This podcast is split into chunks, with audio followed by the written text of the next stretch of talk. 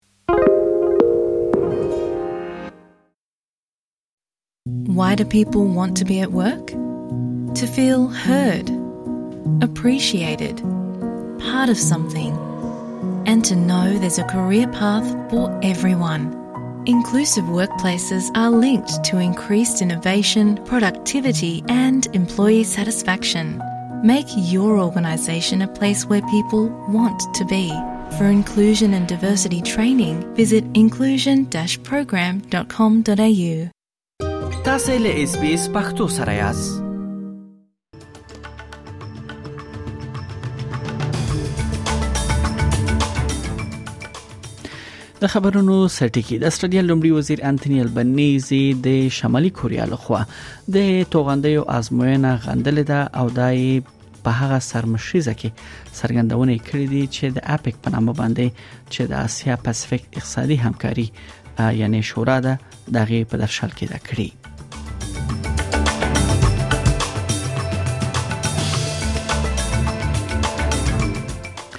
د نیو ساوت ویلز ایالت مرکزی لویدیز برخو کې چې سیلونه راوتلې دي هلته د پاکولو چاره روانې دي ول د غیڅ ترڅنګ یو ځل بیا یادو سیمو ته خبرداري ورکړ شوې ده چې لا ډیر سیلونه راوځي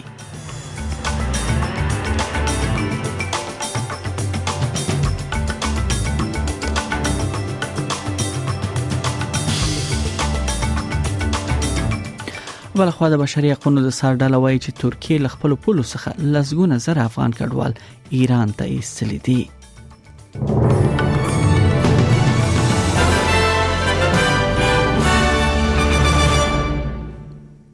دا هم بشپړ خبرونه لمړی وزیر انټونی البنيزي په دې لړ کې دی چې د اپیک یا د اسیا پاسفیک اقتصادي همکارۍ سرمشريزي ورسته ورځ او د سویل ختیځ اسیا ته د خپل سیمه سفر ورسته په لوړ یادښت سره د پای ته ورسوي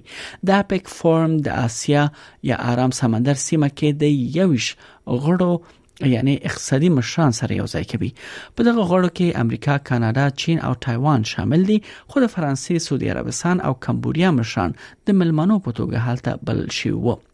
مګر سره لدې چې په سیمه کې د ازادۍ او یا د آزاد او خلاص سوداګرۍ ترتیباتو ښه کولو باندې د اپیک تمرکز سره سره خخله البنيزي د نړۍ تر ټولو لوی سوداګریز بلاک ته د تایوان د ننوتلو ملاتړ نکوي له هغه وپوښتل شول چې آیا هغه غواړي چې تایوان د ترانس پاسفیک شراکت لپاره جامع او پرمختللی تړون کې د شامل شي خغلی البنیز ویل چې دا د دولتونو ترمنځ اړیکه ده چې پیژندل شوې ده او په دې اړه وینا نه لري خغلی البنیزي هم د متحده ایالاتو د مرستيال ولسمشر کاملا هارس سره یو ځای د شمالي کوریا څخه د توغندي آزموینه غندل ده اغلی هارس بیا له هغه وروسته د سرمشریزې په سنډه کې د سو متحدینو سره بیړنۍ غونډه هم راوبلله لکه څنګه چې د مرکزی لویدیز نیو ساوت ولز په ځینو برخو کې سیلاونو لامل د ویجاړي او خرابیو د پاکولو هڅه روانه دي د نیو ساوت ولز ایالت د بیرنیو خدماتو اداره خلکو ته نوې خبرداري ورکوي چې د لا نورو سیلونو لپاره باید چمتووالی ونیسي ACS د شپې په اوګدو کې نه سیلاب ژغورنه تر سره کړې دي او په تیرو سلیرو ساتونو کې د مرستې لپاره هغوی ته 215 ټلیفونونه شوې دي د نیو ساوث ویلز ایالت لمړی وزیر ډومینیک پروټټ ټولونو ته وویل چې نورو ګډوډیو لپاره چمتواله ونیسي ځکه د دې ونې په پای کې د ایالت په سویل ختیځ کې د نوي طوفانونو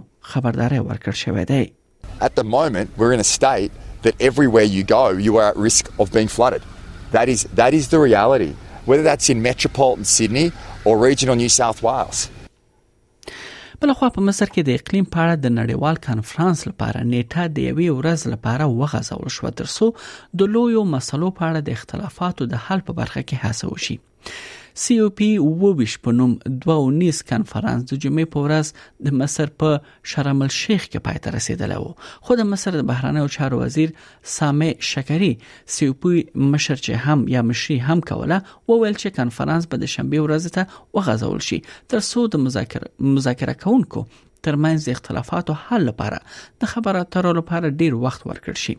د روان کانفرنس مشري پاکستان او ناروې ته سپارل شوې و او په دې اړه مو همدې کانفرنس کې ګډون کوونکي زینب قیصر سره مرکه کړې چې وروسته تاسو ته وړاندې کوو On Monday, we shifted gears and accelerated the pace of our work. Today, we need to shift gears again. Time is not on our side. I remain concerned at the number of outstanding issues, including on finance, mitigation, adaptation, loss and damage, and their interlinkages. I call upon parties to urgently work together to resolve these outstanding issues as swiftly as possible, as the resolution will feed into finalization of the cover decision. بل خو د بشري حقوقو سر ډلې په خپل تازه راپور کې ویلي دي ترکیه له ایران سره په خپل ځمکني پوله باندې لسګونه زر افغان کډوال بیرته ایران ته ستانه کړي دي او پایله کې ایران هم بیرته شړل شوی کډوال مخامخ افغانستان ته لیږي د بشري حقوقو سرډلې پر راپور کې د هم راغلي دي چې ایران او ترکیه دواړو د کډوالو پناهغښتونکو لپاره دوی یعنی غورځولې دي په دغه یعنی دغه راپور کې چې سلی کې هیڅ چا لمه ونه پوښتل چې ولې افغانستان پرې خو په دې کې راغلي دي چې 2021م کال اگست میاشت وروسته چې یا وروسته چې طالبان د چارواک یا د چارو واګي په لاس کې واخیسته ترکیه هم د افغان وګړو شړل ګړندې کړې دي د بشري حقوقو سرډلې موندلې دي چې زیاتره وخت په ترکیه کې میش افغانان هم نیول کیږي او د نړیوال ملاتړ ترلاسه کولو لپاره د نوم لیکنې په برخه کې مخنیوي کیږي د یو سی پښتو ویب پاڼه لمخه د متحده ایالاتو د عدلیه وزارت د ډونالد ټرمپ په اړه د جنایي تحقیقاتو د څارنې لپاره یو خپلواک وکیل غوړه کړی دی د جنگي جرمونو په خوانی څارنوال جیک سمیت د متحده ایالاتو لوی څارنوال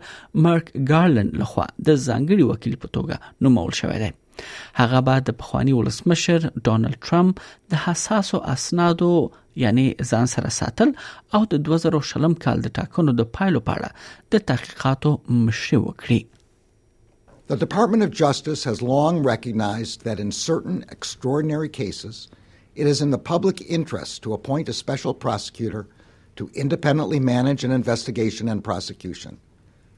Based on recent developments, including the former president's announcement that he is a candidate for president in the next election, and the sitting president's stated intention to be a candidate as well, I have concluded that it is in the public interest to appoint a special counsel. دا ګوبرنه درې ورځې وروسته له هغه کېږي چې خغلی ټرمپ اعلان وکړ چې هغه به په 2023م کې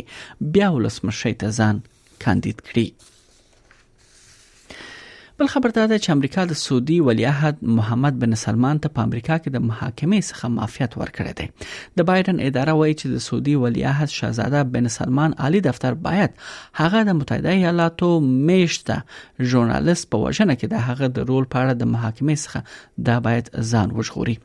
ادارې د شاهزاده محمد څخه د قانوني معافیت د ادعا په ملاتړ خبرې وکړي د متحده ایالاتو حکومت د شاهزاده محمد لپاره د معافیت موندنه چې ځینې وختونه د ام بي اس په نوم د هم پیژندل کیږي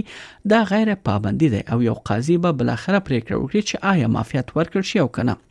د سپینې ماڼۍ د ملي امنیت شورا ویاند جان کربي د 2013 کال د خاشخجي په وژنه کې امریکا له محاکمو څخه د سعودي ولی عهد د ژغورلو لپاره د امریکا حکومت غوښتنه په بشپړ توګه یو قانوني پریکړه بللې This legal determination has absolutely nothing to do with the merits of the case itself. It is a legal determination requested by state and, and, uh, and provided by the Justice Department at the request of the court. Number two, it has absolutely nothing to do with the bilateral relationship with Saudi Arabia, which, as you know, um, uh, is tense right now, given the OPEC plus decision uh, a month or so ago to decrease yet again oil production. او بل خبر دا ده چې کاناډا او هالند په ګډه د رسنیو د ازادۍ د نړیوال ائتلاف یا ایم اف سی د رئیسانو په توګه د جمعې پر ورځ د نومبر په 13مه باندې اعلان وکړ چې په دغه ائتلاف کې د افغانستان غړیتوب لغوه شو د دې ائتلاف خبرپاڼه کې راغلي دي چې د رسنیو د ازادۍ ائتلاف ته څرګنده ده چې په افغانستان کې د رسنیو د ازادۍ وضعیت له بده مرغه نور د نړیوال ټولنې د ژمنو سره مطابقت نه لري او په حقیقت کې اوسنۍ حالت د جدي اندېښنې وړ دی افغانستان د 2020 کال په جنوري کې هغه وخت رسنیو ازادي د نړیوال ائتلاف غړی شو چې د محمد اشرف غنی په مشرۍ د افغانستان پخوانی حکومت د رسنیو د ازادۍ په برخه کې نړیوال ژمنه ته متحد شو د ائتلاف ګډو مشرانو ویل دي چې دغه اقدام یې د ټولو غړو په مشوره او د ائتلاف له غوښتنو سره سم کړی دی او روسي خبر هم یو سپورتي دی د نړۍ له ګډ ګډ څخه د فوتبال مینوال پر راتلونکو فیفا نړیوال جام کې د قطر لخوا د الکولي بیر د بندیز په اړه خبرګون ښيي د روسي دقیقې پریکړه په پراخه کچه د هیواد د محافظه کارو مسلمانانو لخوا یې تود هرکلی شوی دی ځکه چې په لوبغالو کې د بیر خرڅلاو بند شوی دی او د ځینو مینوالو لخوا بیا دغه پریکړې مخالفت شوی دی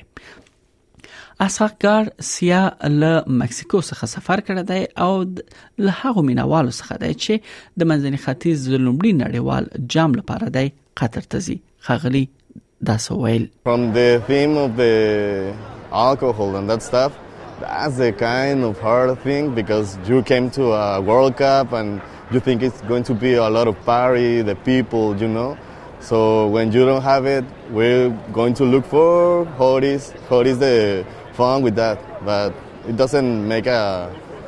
like it's demanding or it's just uh, necessary. But we, we will see how is the World Cup going.